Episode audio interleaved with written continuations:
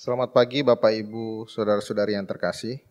Ibadah online Gereja Kristen Sarwa Indah pada Minggu Paskah ke-6, 17 Mei 2020, hari ini akan dilayani oleh Pendeta Glorius Bawengan dari Gereja Masehi Injili Sangehe Talaut. Bapak Ibu, Saudara-saudari, mari kita mempersiapkan diri untuk beribadah. Tuhan Yesus memberkati.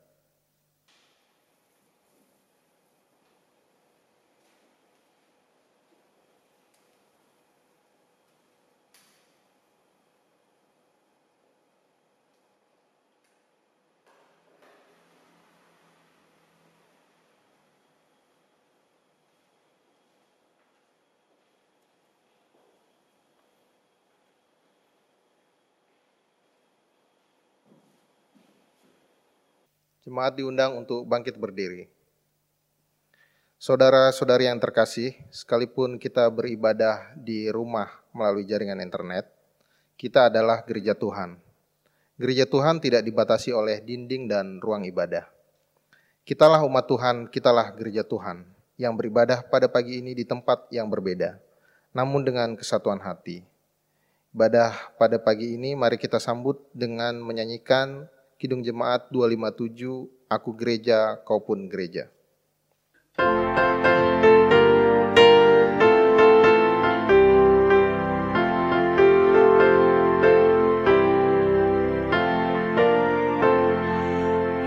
Aku gereja, kau pun gereja, kita sama-sama gereja dan pengikut Yesus di seluruh dunia kita sama-sama gereja. Gereja bukanlah gedungnya dan bukan pula menaranya. Bukalah pintunya lihat di dalamnya gereja adalah orangnya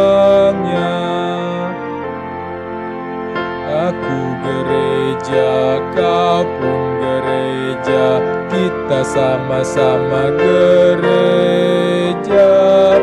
Dan pengikut Yesus di seluruh dunia kita sama-sama gereja. Berbagai macam manusia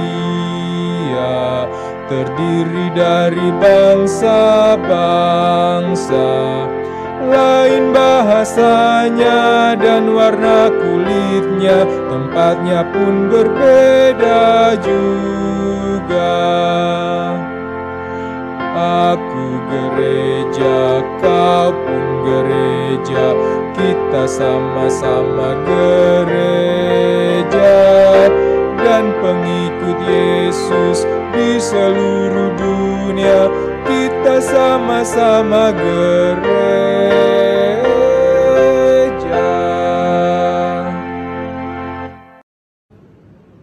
Ibadah pagi ini berlangsung dengan pengakuan bahwa pertolongan kita adalah di dalam nama Tuhan yang menciptakan langit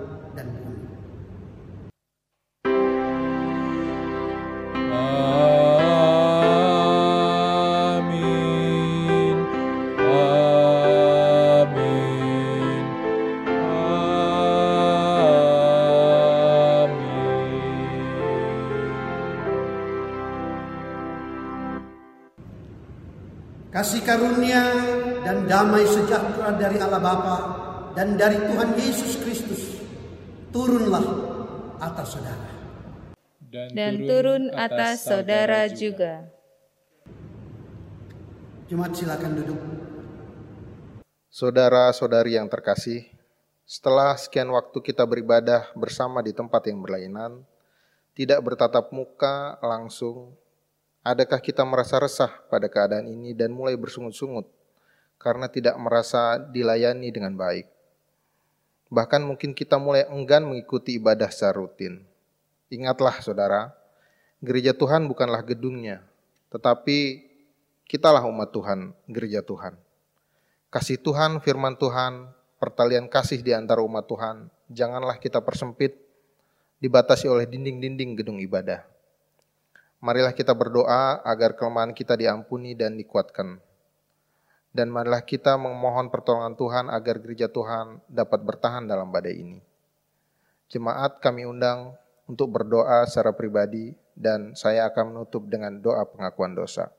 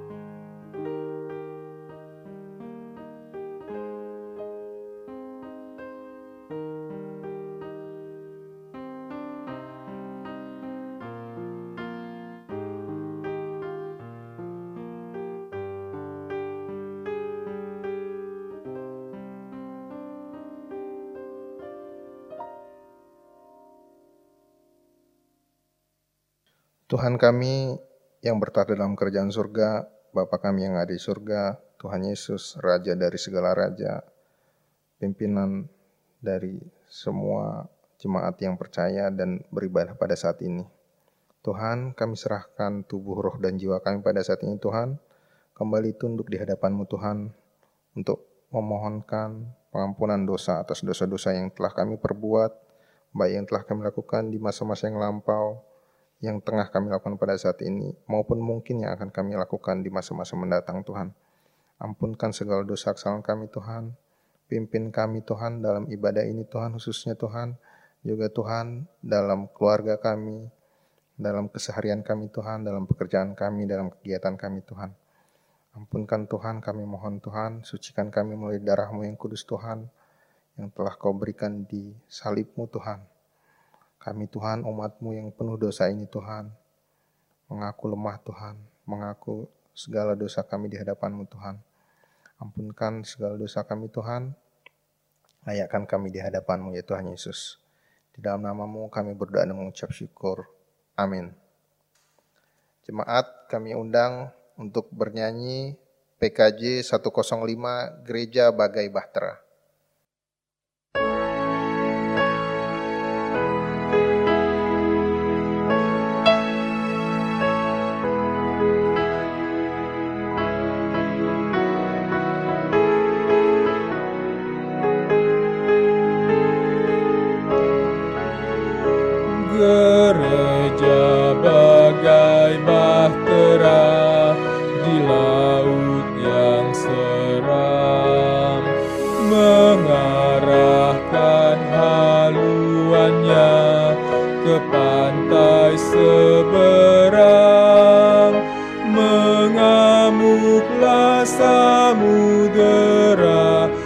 Dan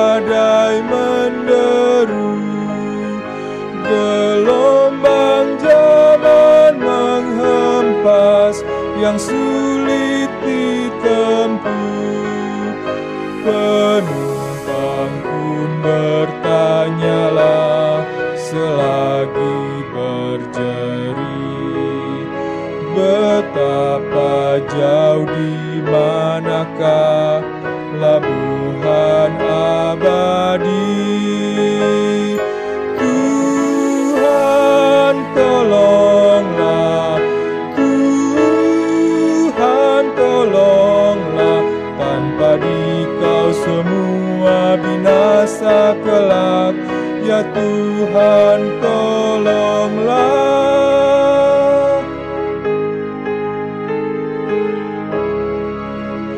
Gereja bagai bahtera di laut yang seram Mengarahkan haluannya ke pantai seberang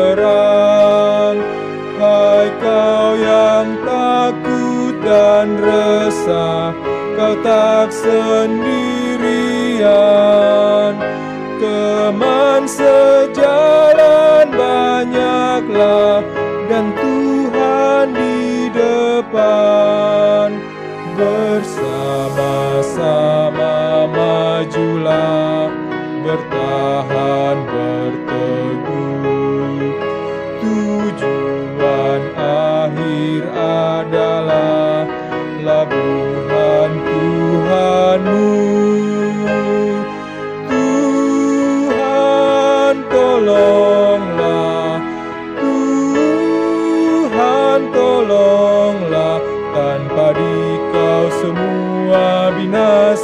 kelak Ya Tuhan tolonglah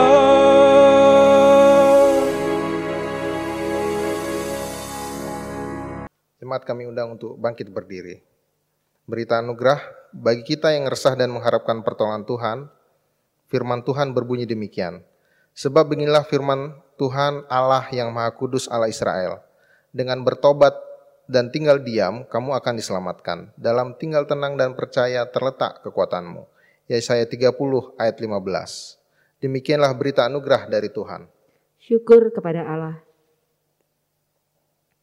Mari kita menyambut berita anugerah dengan menyanyikan NKB 15 ayat 1 sampai 2 hidup yang penuh berbeban.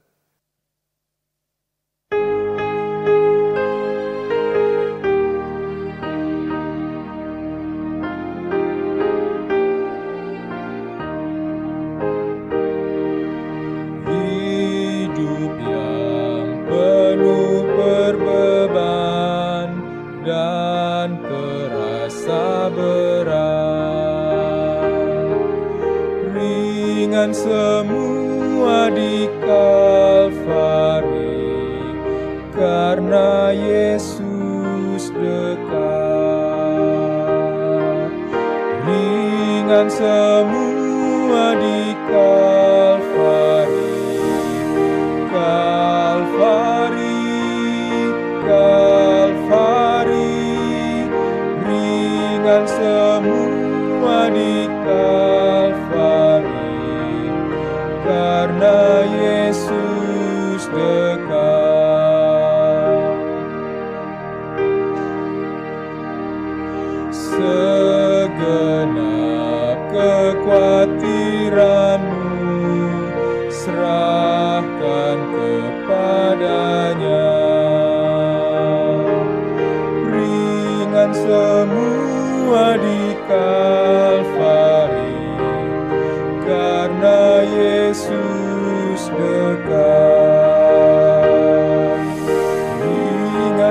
semua di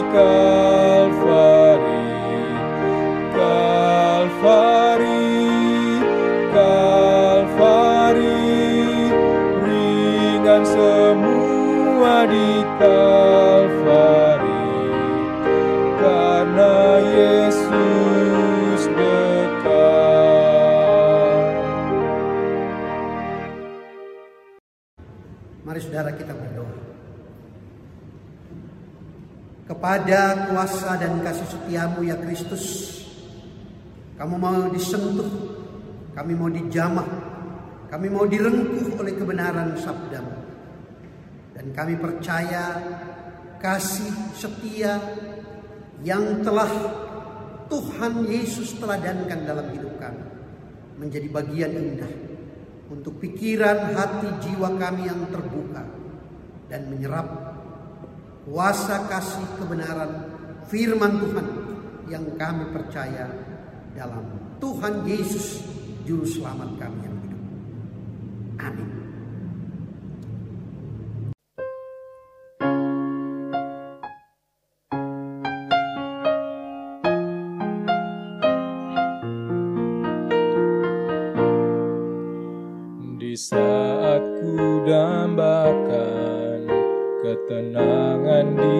Hati. Ku rindu damai yang sejati. Kau datang dengan kasih Puaskan jiwaku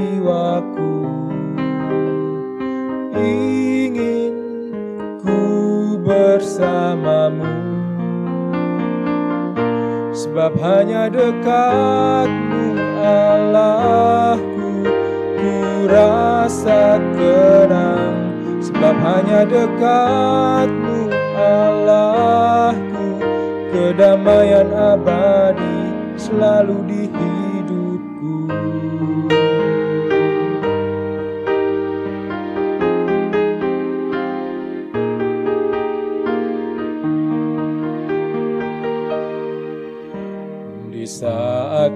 dambakan ketenangan di hati. Ku rindu damai yang sejati. Kau datang dengan kasih Puaskan jiwaku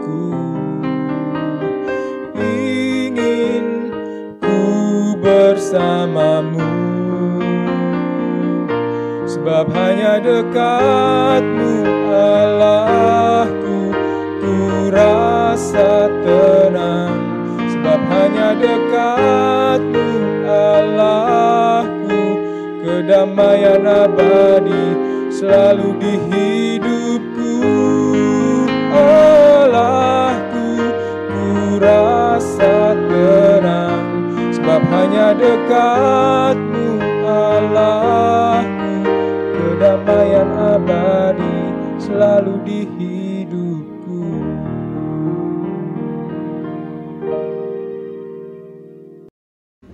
Shalom saudara. Pembacaan Injil Yesus Kristus berdasar Yohanes 14 ayat 15 sampai 21. Yesus menjanjikan penghibur. Jikalau kamu mengasihi aku, kamu akan menuruti segala perintah. Aku akan minta kepada Bapa dan ia akan memberikan kepadamu seorang penolong yang lain supaya ia menyertai kamu selama-lamanya. Yaitu roh kebenaran.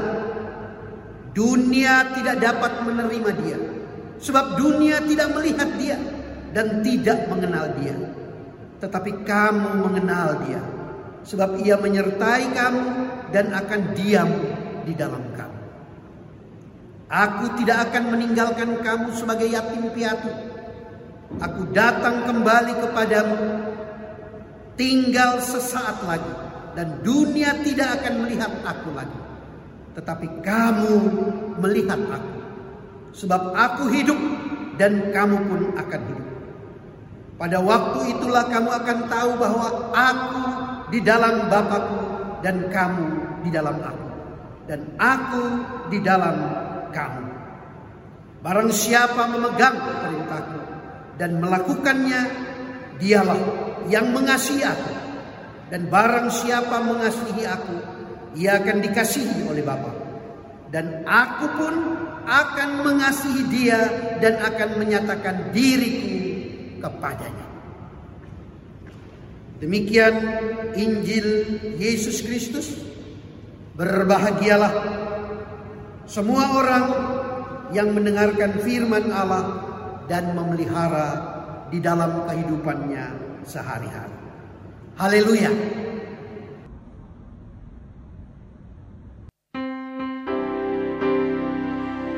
Haleluya, haleluya,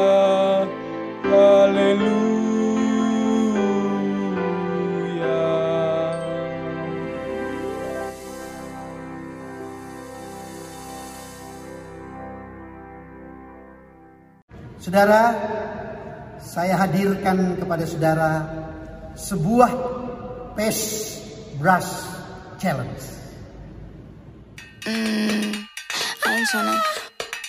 I ain't tryna. I ain't tryna. Yeah, ain't tryna be cool like you. Wobbling around in your high heel shoes. I'm clumsy. Made friends with the floor. Two for one, you know a bitch by four. And two left feet, you know I always drop. First thing a girl did was a bop. And the whole damn cake and the cherry on top. Shook up the bottom, made a good girl pop. You ain't even here to party. Ken in the club tryna pipe a Barbie. I don't wanna go, go, go with the flow back then until I touch my toes. I don't wanna roll, roll, roll the boat. Wrist full of rocks and I hope I float. Big up cause you know they don't. I chew, chew, chew cause they hope I show. I'm a bitch, I'm a boss. I'm a bitch and a boss, I'ma shine like glass. I'm a bitch, I'm a boss. I'm a bitch and a boss, I'ma shine like glass. I'm a bitch, I'm a boss. I'm a bitch and a boss, I'ma shine like glass. I'm a bitch, I'm a boss. I'm a bitch and a boss, I'ma shine Say like bitch on the after. You been the before. I've been the stallion. You been the seahorse. Don't need. Saudara, banyak masih orang beranggapan kalau COVID-19 ini adalah bencana. Lebih dari itu, COVID-19 ini adalah tanda-tanda akhir zaman.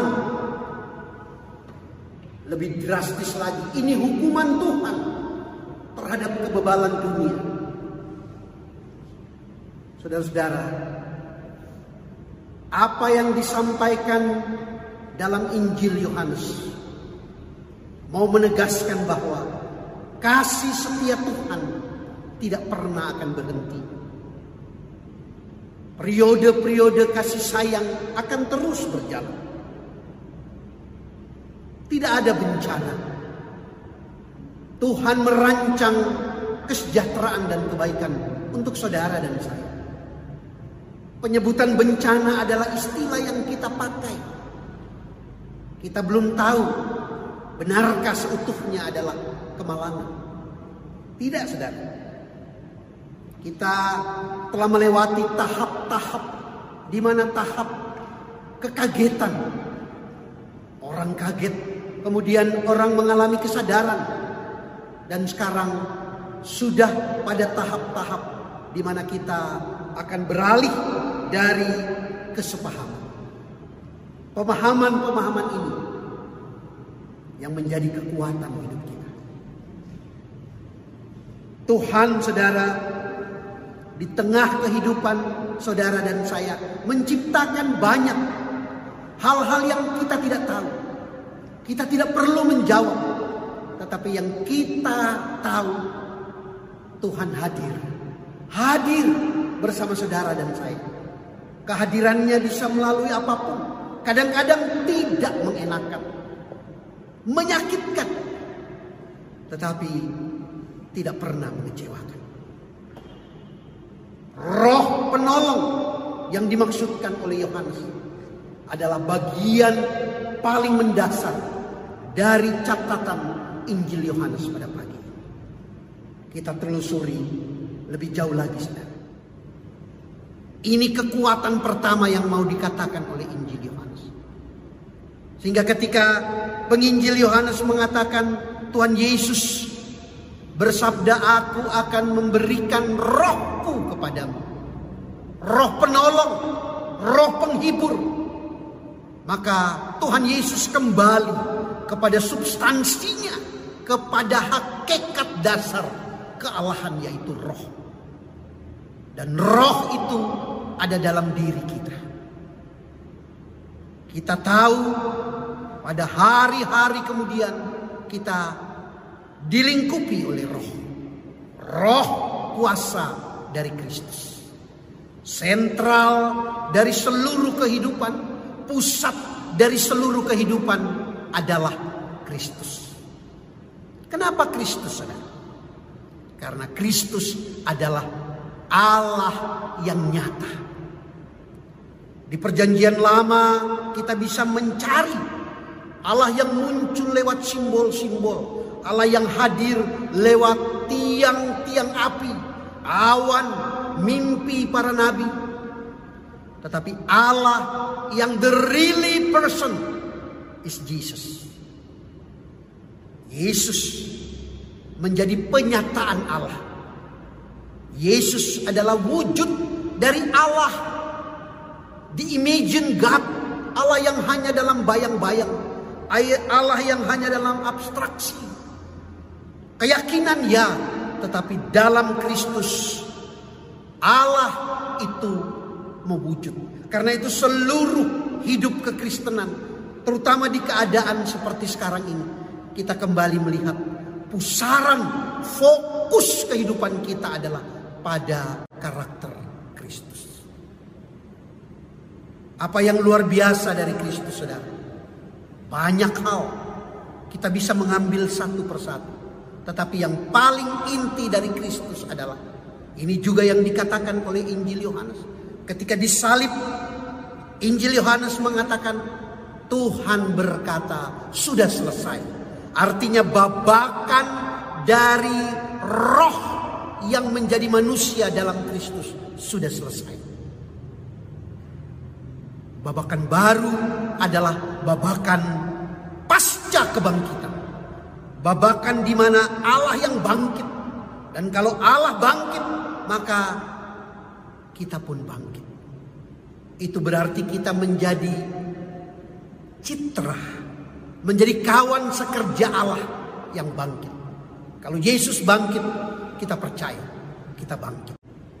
Ini mengapa kemudian kitab Injil Yohanes pasal 14 mengatakan Yesus berkata, "Aku akan memberikan roh, roh, roh penolong."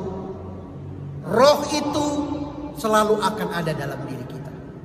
Roh yang memberikan kita kekuatan. Pemberian diri Yesus adalah teladan.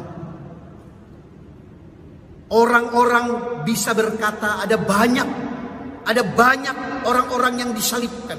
Tetapi mengapa kita memilih Yesus?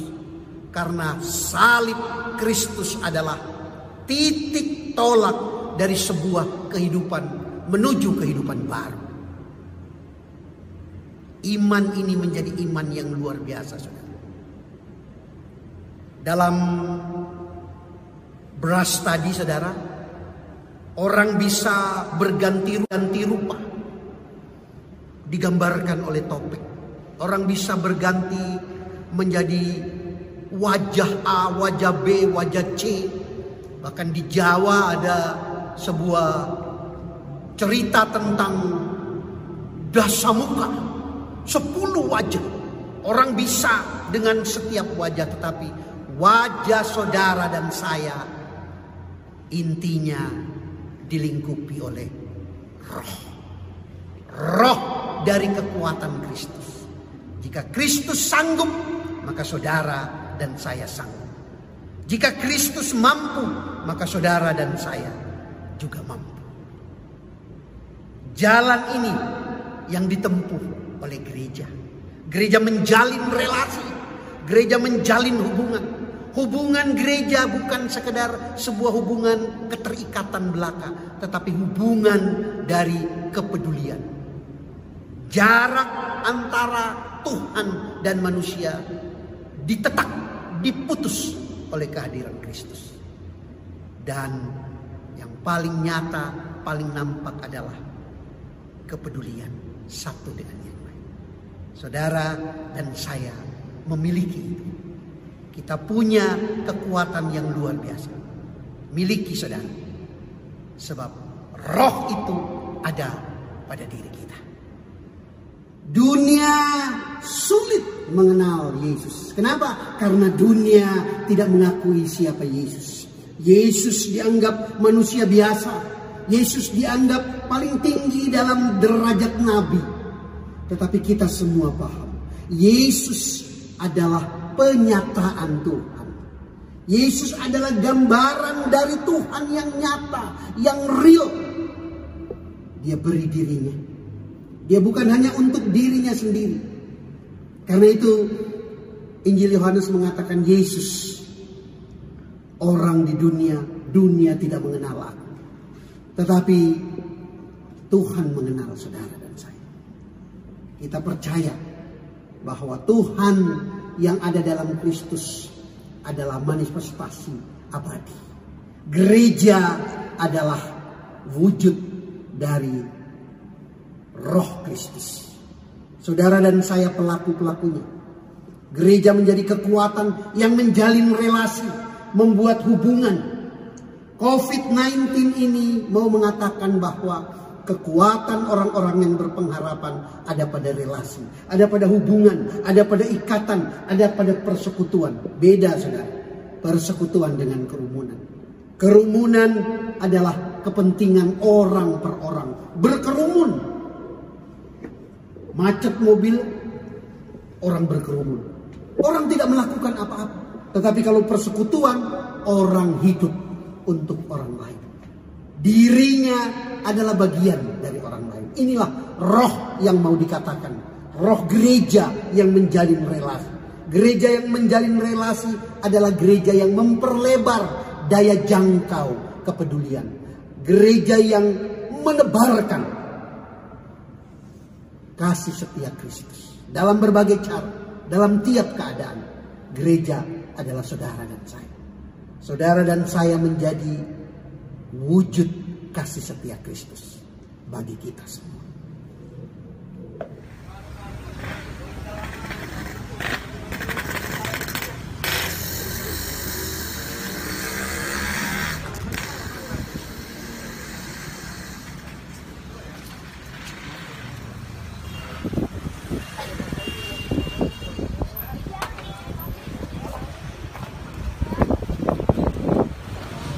Orang-orang penuh bergesakan, berkerumun. Pasti ingat cerita penyembuhan orang sakit lumpuh di Kapernaum. Kalau tidak dengan kesungguh-sungguhan, tidak akan bisa masuk ke dalam. Harus dengan kesungguhan.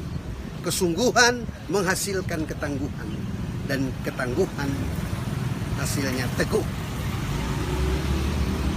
tetaplah teguh karena saudara tangguh dalam kesungguh-sungguhan. COVID-19 ini saudara bukan cobaan Tuhan. Tuhan tidak pernah mencobai. Kalau iblis sering mencobai. Tetapi Tuhan dia hadirkan pertolongan. Ini juga bukan ujian. COVID-19 ini bukan ujian. COVID-19 ini adalah pembuktian. Pembuktian bahwa Tuhan tetap bersama kita. Dalam kesadaran kita dari kekagetan COVID-19 pertama. Kemudian kesadaran kita mulai melakukan pembatasan dan kesepahaman di mana kepedulian hadir. Maka Roh Kudus yang menggerakkan kita semua. Ada dalam satu kesepahaman. Tidak sendiri-sendiri. Kita tidak hidup sendiri. Kita hidup bersinergi dengan yang lain. Semuanya ada dalam dampak-dampak apa pun. Dampak kesulitan kita beri pengobatan. Dampak kesukaran kita hadirkan kesanggupan. Dampak-dampak ini saudara mengharuskan sekarang ini gereja yang menjalin relasi bukan cuma hubungan keluar tetapi di dalam gereja harus menciptakan terobosan terobosan yang inovatif. Ini gambaran gambaran kita semua. Dulu kita tidak pernah memperhitungkan yang seperti ini. Kita anggap ini selera milenial, selera anak-anak muda. Tapi sekarang yang terjadi adalah kita memasuki area ini. Area di mana gereja harus lebih mengerahkan stamina inovatif.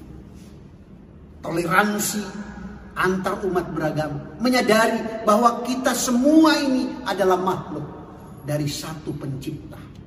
Dan sesama makhluk kita berdampingan dalam perbedaan-perbedaan yang ada. Dalam kaitan-kaitan yang ada kita diikat menjadi satu makhluk. Makhluk yang bukan khalik, makhluk Tuhan. Kesadaran ini yang membuat kita meyakini meski di berbagai perbedaan kita bisa menjalin satu kekuatan. Inilah yang dimaksud dengan relasi. Relasi Tuhan dengan manusia telah diwujud nyatakan melalui Kristus. Sekarang kita yang harus memproduksi bukan sekedar mengalami Kristus. Oh saya mengalami Kristus, saya mengalami Roh Kudus tidak. Lebih dari mengalami, lebih dari menjajaki adalah kita memproduksi, memperbanyak citra-citra Kristus. Kristus pengasih, kita pengasih. Kristus peka, kita peka. Inilah yang membawa kita saudara-saudara pada pemahaman tentang gereja yang menjalin relasi. Relasi bisa juga berarti misionarisasi. Misionarisasi yang intinya bersumber dari Kristus. Kristus yang memungkinkan hidup. Kristus yang menjadikan di tengah keadaan seperti ini kita mungkin tidak akan percaya tetapi penyertaan Kristus selalu ada bagi saudara dan saya. Sekaranglah, sekaranglah kesempatan untuk membuang halang rintangan kita. Kita dekatkan pada sebuah empati. Empati adalah kebela rasaan, berbela rasa, berbela pikir bagi kasih kemuliaan Kristus. Karena kita ada dalam lingkup roh dalam Injil Yohanes. Roh yang menolong. Menolong saudara, menolong saya, menolong semua bangsa kita, menolong seluruh dunia. Relasi menghadirkan buah.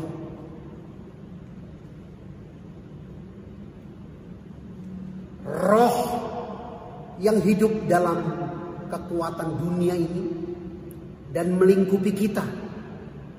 Roh yang asalnya dari Tuhan Yesus. Hadir dalam kita dan kita terbaca dari buah. Buah hidup kita. Perkataan-perkataan kita. Setara dengan perilaku kita. Kita berkata dan kita berbuat. Galatia 5 ayat 22 sampai 23 tegas mengatakan buah roh. Ada sembilan. Dan kalau satu manusia seorang manusia punya sembilan sifat roh sifat buah roh itu dia bukan manusia dia malaikat. Buah roh dalam Galatia kita bisa baca sekarang kita bisa tahu kita bisa paham bahwa buah roh itu adalah kita punya hasrat untuk memberi. Bukan meminta tetapi memberi. Selalu memberi kekuatan dalam diri kita. Materi, waktu, talenta, keahlian, moralitas kita berikan. Buah roh, buah cuma satu. Tidak ada buah-buah roh, hanya satu buah. Satu buah roh yang terdiri dari sembilan tabiat. Kita miliki itu. Saudara dan saya. Kita percaya Tuhan sanggup merangkai apa pun, mengubah apa pun menjadi kekuatan yang kilang ini untuk saudara dan saya. Ujian kasih setia dari apa yang kita alami sekarang. COVID-19 menjadi jembatan hati nurani Allah dan manusia. Kristus merangkai kekuatan hidup saudara.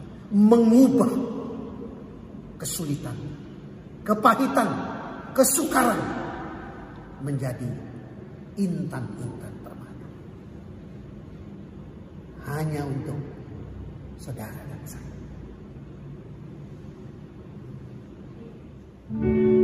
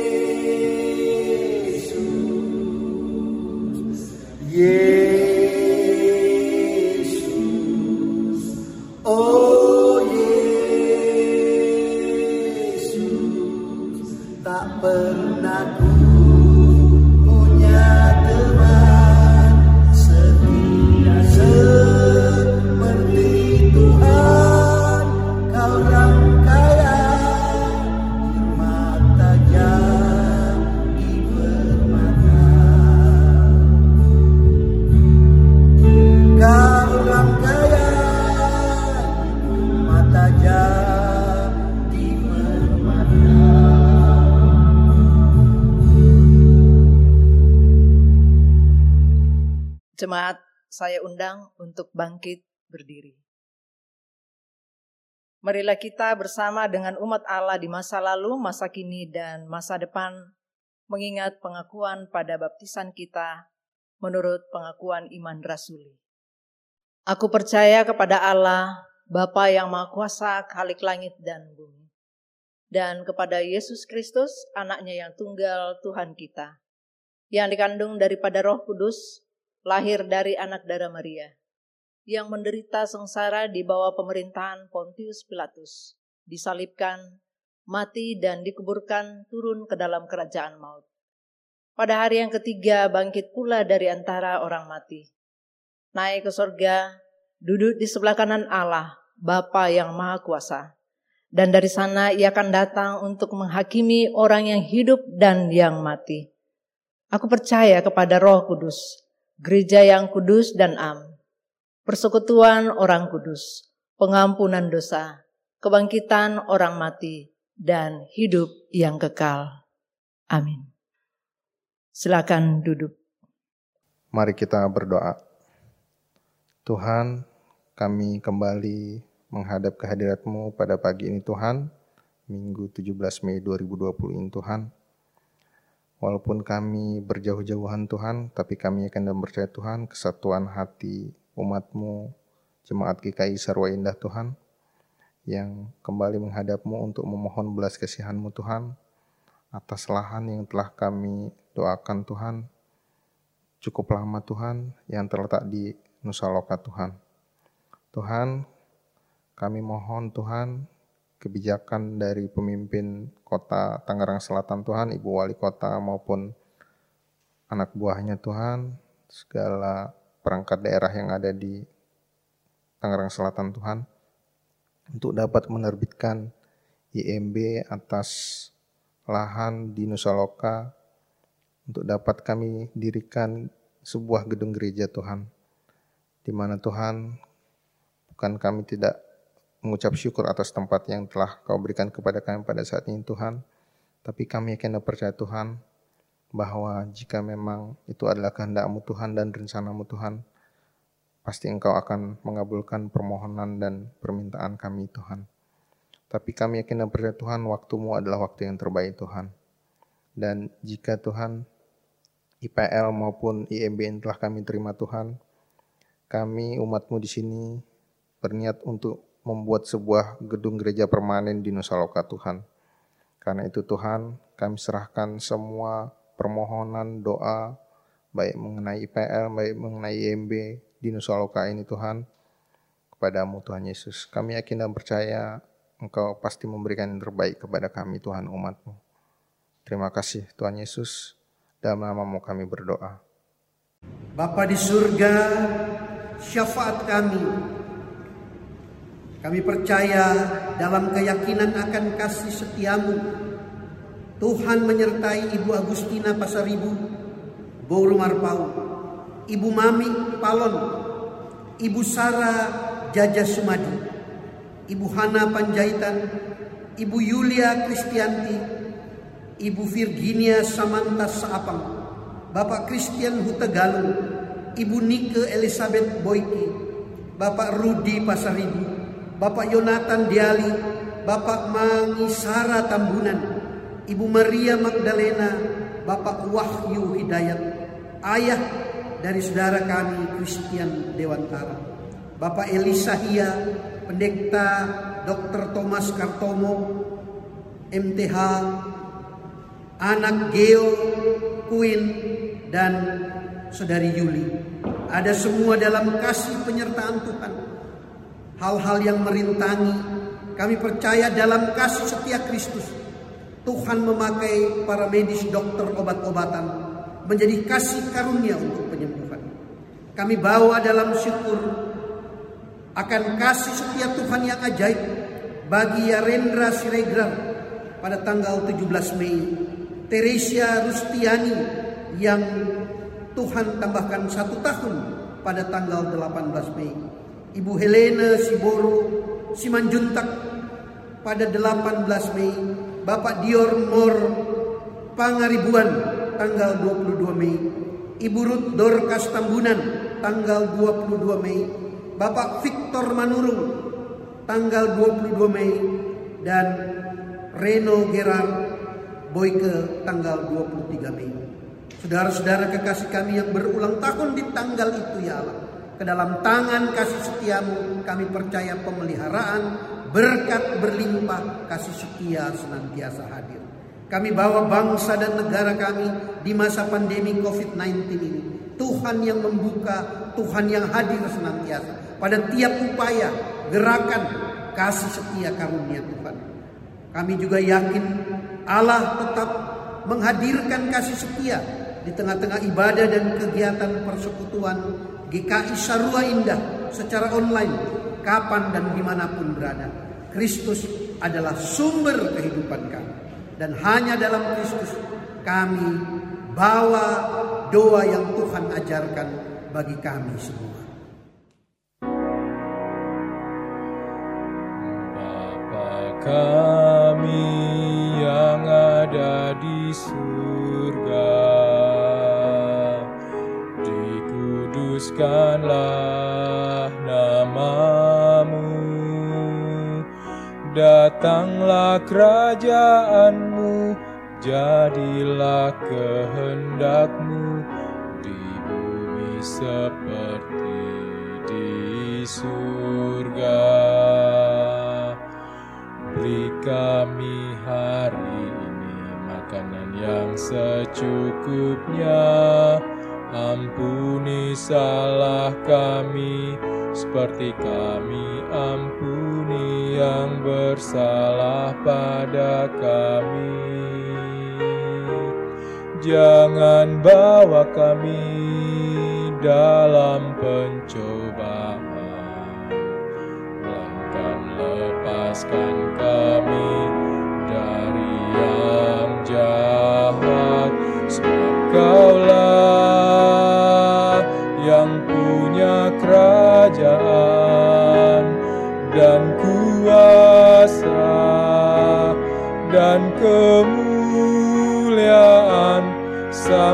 sampai selama-lamanya.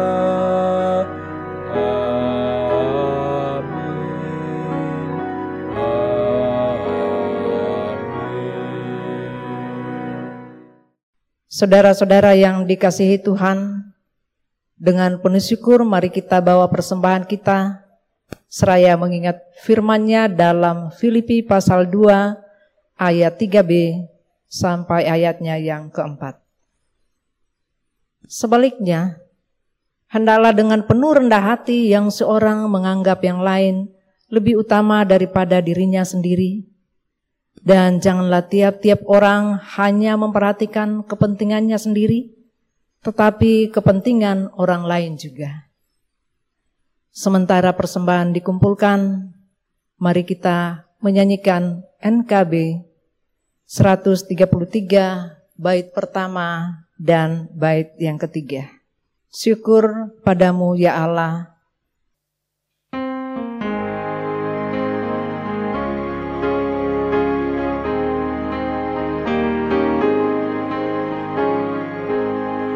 Syukur padamu ya Allah atas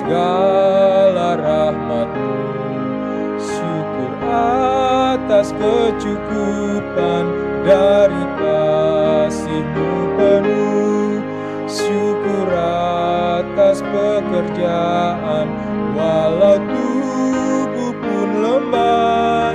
Syukur atas kasih sayang dari sanak dan teman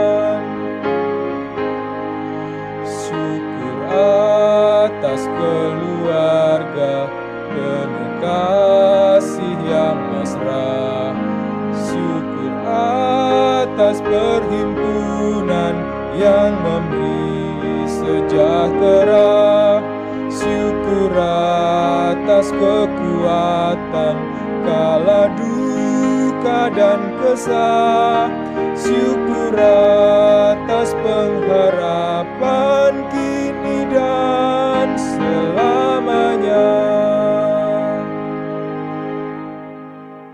Jemaat saya undang untuk bangkit berdiri. Mari kita berdoa.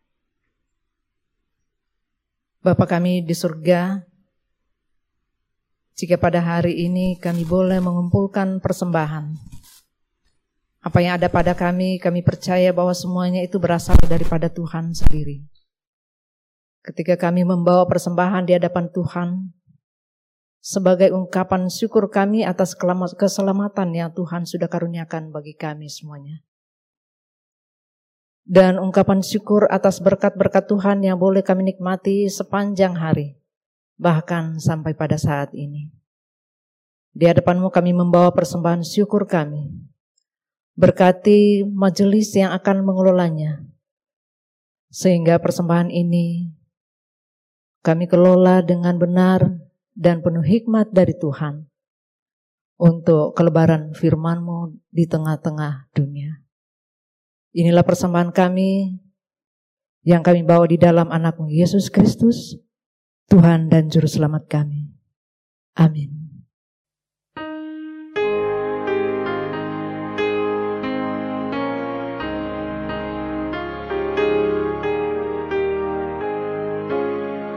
Serikat persaudaraan berdirilah teguh